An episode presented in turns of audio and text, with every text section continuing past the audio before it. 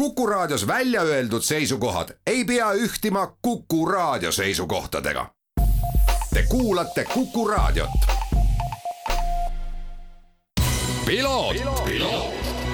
ralli uudiste parima kvaliteedi tagavad Osmo õlivahad tervist ja Kuku raadio kuulaja, eetris on saade Piloot ja stuudios saatejuht Margus Kiiver.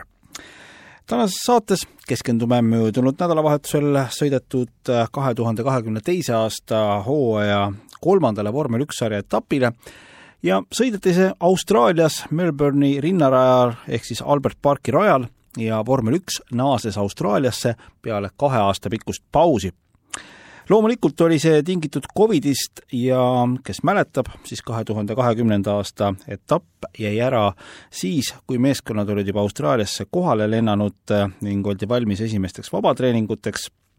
Ja siis loomulikult oli hirm selle haiguse ees tunduvalt suurem ja ka väikeste nakatumiste pealt otsustati, et see etapp jääb ära ning sealt edasi on loomulikult ilmselt silma ja kõrva jäänud ka see, et Austraalia on olnud üks enim suletud ühiskondi, peame siis silmas just välisturistide poole pealt, kogu Covidi perioodi jooksul.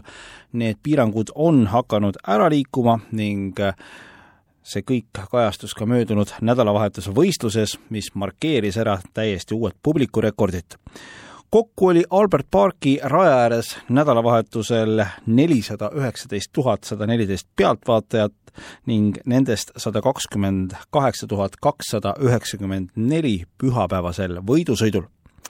see on number, millist pole varem Melbourne'is Austraalia Grand Prix'l nähtud ja üldse oli see üks suurima publikuarvuga spordinädalavahetusi Austraalias läbi aegade raja äärde kogunenud inimesed ja otseülekannete jälgijad oma kodudes ei pidanud pettuma. pühapäevane võistlussõit pakkus kuhjaga põnevust ning loomulikult ka möödasõite, millest siin saates ka juba räägitud on, ehk et mida selleks hooajaks ennustati rohkem olevat. kohe jõuame võistluse enda juurde ka, aga ennem esmalt veel paar olulist detaili algselt oli uuenenud Albert Parki rajal neli DRS-i ala, mis tähendas siis ühe ala lisandumist võrreldes kahe tuhande üheksateistkümnenda aastaga, mis võimaldab sõitjatel paremini möödasõite teha ning äh, peale reedeseid vabatreeninguid otsustas aga Rahvusvahelise Autoliidu FIA seltskond ühe tsooni turvalisuse nimel eemaldada ning asemele jäi siis endiselt kolm ala, nii nagu see oli ka aastal kaks tuhat üheksateist aga tuleb tunnistada, et äh, sellest põnevuse säilitamiseks piisas. nüüd aga võistlussõidu enda juurde. oma hooaja teise võidu leppis, äh, noppis Ferraril Charles Leclerc, edestades Red Bulli sõitjat Sergio Perest ning Mercedese pilooti George Russellit. valitsev maailmameister Max Verstappen katkestas Red Bulli tehnilise probleemi tõttu teiselt kohalt suurusjärk kakskümmend ringi enne lõppu, Lewis Hamilton oli neljas Ferrari teine piloot Carlos Sainz katkestas peale sõiduviga ning järgnevalt äh, siis minu enda isiklikud mõtted nende tulemuste ja maailmameistrivõistluste seisuga seoses. vaatame korra siis ka maailmameistrivõistluste seisu üle, Leclerc juhib pärast kolme etappi seitsmekümne ühe punktiga, teisel kohal on George Russell kolmekümne seitsme punktiga, kolmas Carlos Sainz kolmkümmend kolm punkti, neljas Sergio Perez kakskümmend punkti, viies Lewis Hamilton kakskümmend kaheksa ja kuues äh, Max Verstappen, kes siis on kokku saanud kakskümmend viis punkti ja seda siis Saudi Araabias toimunud võidusõidu võidu eest. ei saa kahelda, ei saa vastu vaielda, Charles Leclerc ning Ferrari on teinud hooaja alguse väga hiilgavalt Bahreini ja Austraalia võidud ning Saudi Araabia teine koht pluss kiiremad ringid, see on väga kõva statement. Ferrari on tehniliselt hooaja alguseks olnud valmis ning äh, Monacost pärit äh, Charles Leclerc näidanud tarka sõitu, hoides pea külmana ka nendes oludes, kus Verstappen talle kuklamas hingamas, kuklasse hingamas oli ja olgem ausad, ka päris mitu sellist olukorda enda kasuks pööranud kui võrrelda Red Bulli ja Ferrari võistlusautosid, siis äh, teatavate informatsioonide kohaselt jäävad küll sirgekiiruses itaallased Red Bullist maha, aga nad suudavad seda kompenseerida teistes rajalõikudes, kus Red Bull jälle nii tugev pole. Ja eks tegu on puhta kompromisside teemaga, kuivõrd tegu on aastal kaks tuhat kakskümmend kaks täiesti uute autode ja uute reeglitega ning tänaseks päevaks on siis need kompromissid Ferrari kasuks mänginud tõsi, viimasel etapil ei olnud Red Bullil mitte mingisugust rohtu Charles Leclerc'i vastu ning äh, teine ja kolmas koht oleks olnud ka nende lagi ja sellel positsioonil ka nad olid. sellele aitas pisut kaasa ka Carlos Sainz, aga temast juba pisut hiljem praegune olukord äh, soosib siis spekulatsioone, et kas Charles Leclerc on liikumas oma esimese tiitli suunas. planeetide seis on tõepoolest hea tiimikaaslane Carlos Sainz, kes sõidab sarnase tehnikaga, ei ole ennast esimeste etappidega suutnud kehtestada. suurim rivaal, tiitlikaitsja Max Verstappen on saanud tehnilistel põhjustel kaks nulli ning Mercedesed, mis on tegelikult ju viimastel hooaegadel olnud alati kõrges mängus sees, pole vähemalt selle hooaja alguses olnud kõige kõrgemas konkurentsis. Charles Leclerc on seda kõike väga hästi ära kasutanud, vigu pole ta teinud ning selle handicapiga on siit hea edasi minna. aga tuletame meelde, et hooaeg koosneb siiski kokku kahekümne kahest või lausa kahekümne kolmest etapist, kui Venemaalt ära võetud etapile ka asendus tuleb. väidetavalt pidavalt ikkagi tulema, aga ametlikus kalendris veel miskit kirja pole pandud, on siin spekuleeritud nii Katari kui ka Singapuri radadega on kuidas on, Charles Leclerc on teinud hooaja alguse, kus tal on olemas vajadusel ka pisut eksimisruumi ja kindel on see, et ega ka teised meeskonnad nüüd käed rüpes ei istu. isiklikult poleks mul loomulikult mitte midagi selle vastu, kui hooaja lõpus oleks tipus Ferrari ja Charles Leclerc. oma Ferrari lembust ei ole me ka varem siin saates väga salanud Max Verstappeni hooaja algus on valitseva maailmameistrina olnud väga keeruline on selge, et Red Bull on hetkel ainus, kes suudab Ferrari'ga võidu sõita ja Verstappen on ühe etapiga Leclerc'i eest võitnud. aga sellise tasemega tiimile on lubamatu, et Verstappeni auto on jäänud raja äärde kahel korral ja Perez'i auto ühel korral kui Bahreini katkestamiste põhjuseks olid äh, kütuseprobleemid, siis meeskonna juhi Kristjan Horneri sõnul võis ka Austraalias olla probleem kütusega.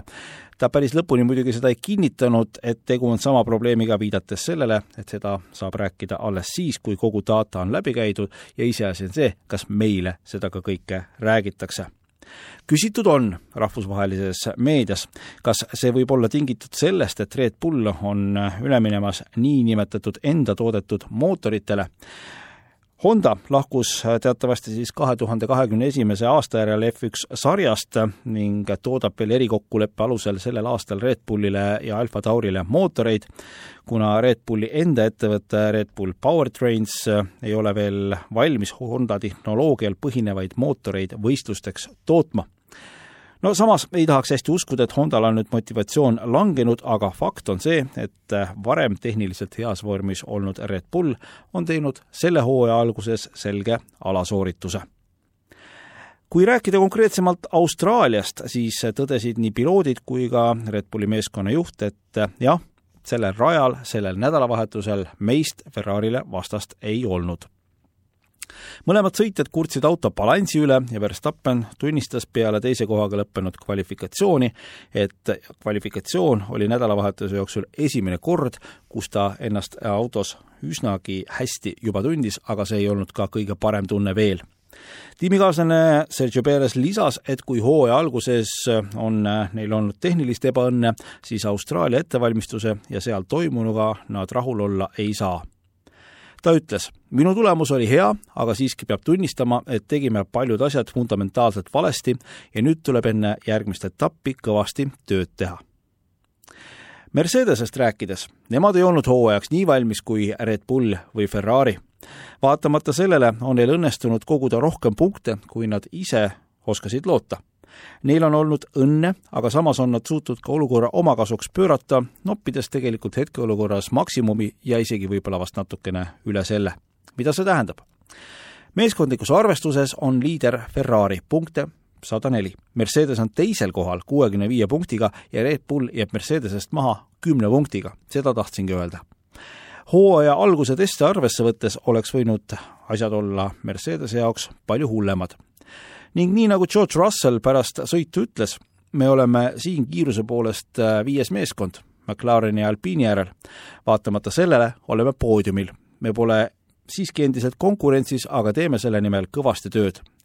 ja sellest ei piisa, kui sul on kiire auto, mis ei jõua lõpuni, raputas Russell soola Red Bulli haavadele. kui me vaatame aga top kolm meeskondade sõitjate rolle, siis ka siin on äärmiselt huvitav seis.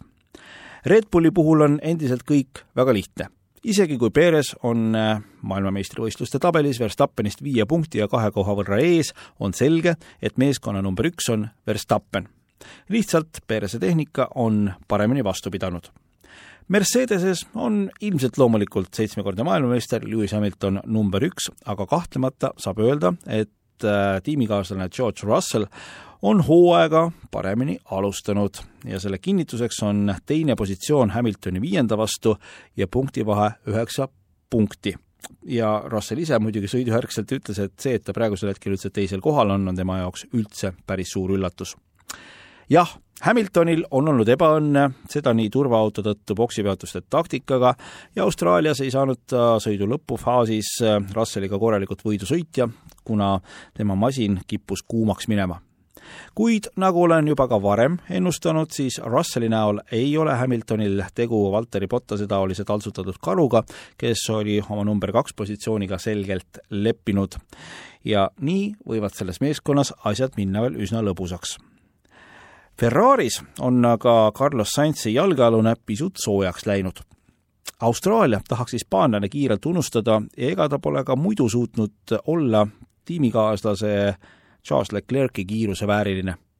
Austraalias hakkas Sainzi jama pihta ajasõidus, kui teise hispaanlase maailmameister Fernando Alonso väljasõidu tõttu tuli rajale punane lipp ja ta ei saanud teha oma korralikku kiiret ringi. tulemus üheksas koht enne pühapäevast võistlussõitu vahetati tal olude sunnil suht viimasel hetkel rool ja see nurjas tema sõnul stardi ning siis, pusides keskvälja poistega, leidis ta ennast ühel hetkel väljasõidualas kruusa peal kinni ning game over.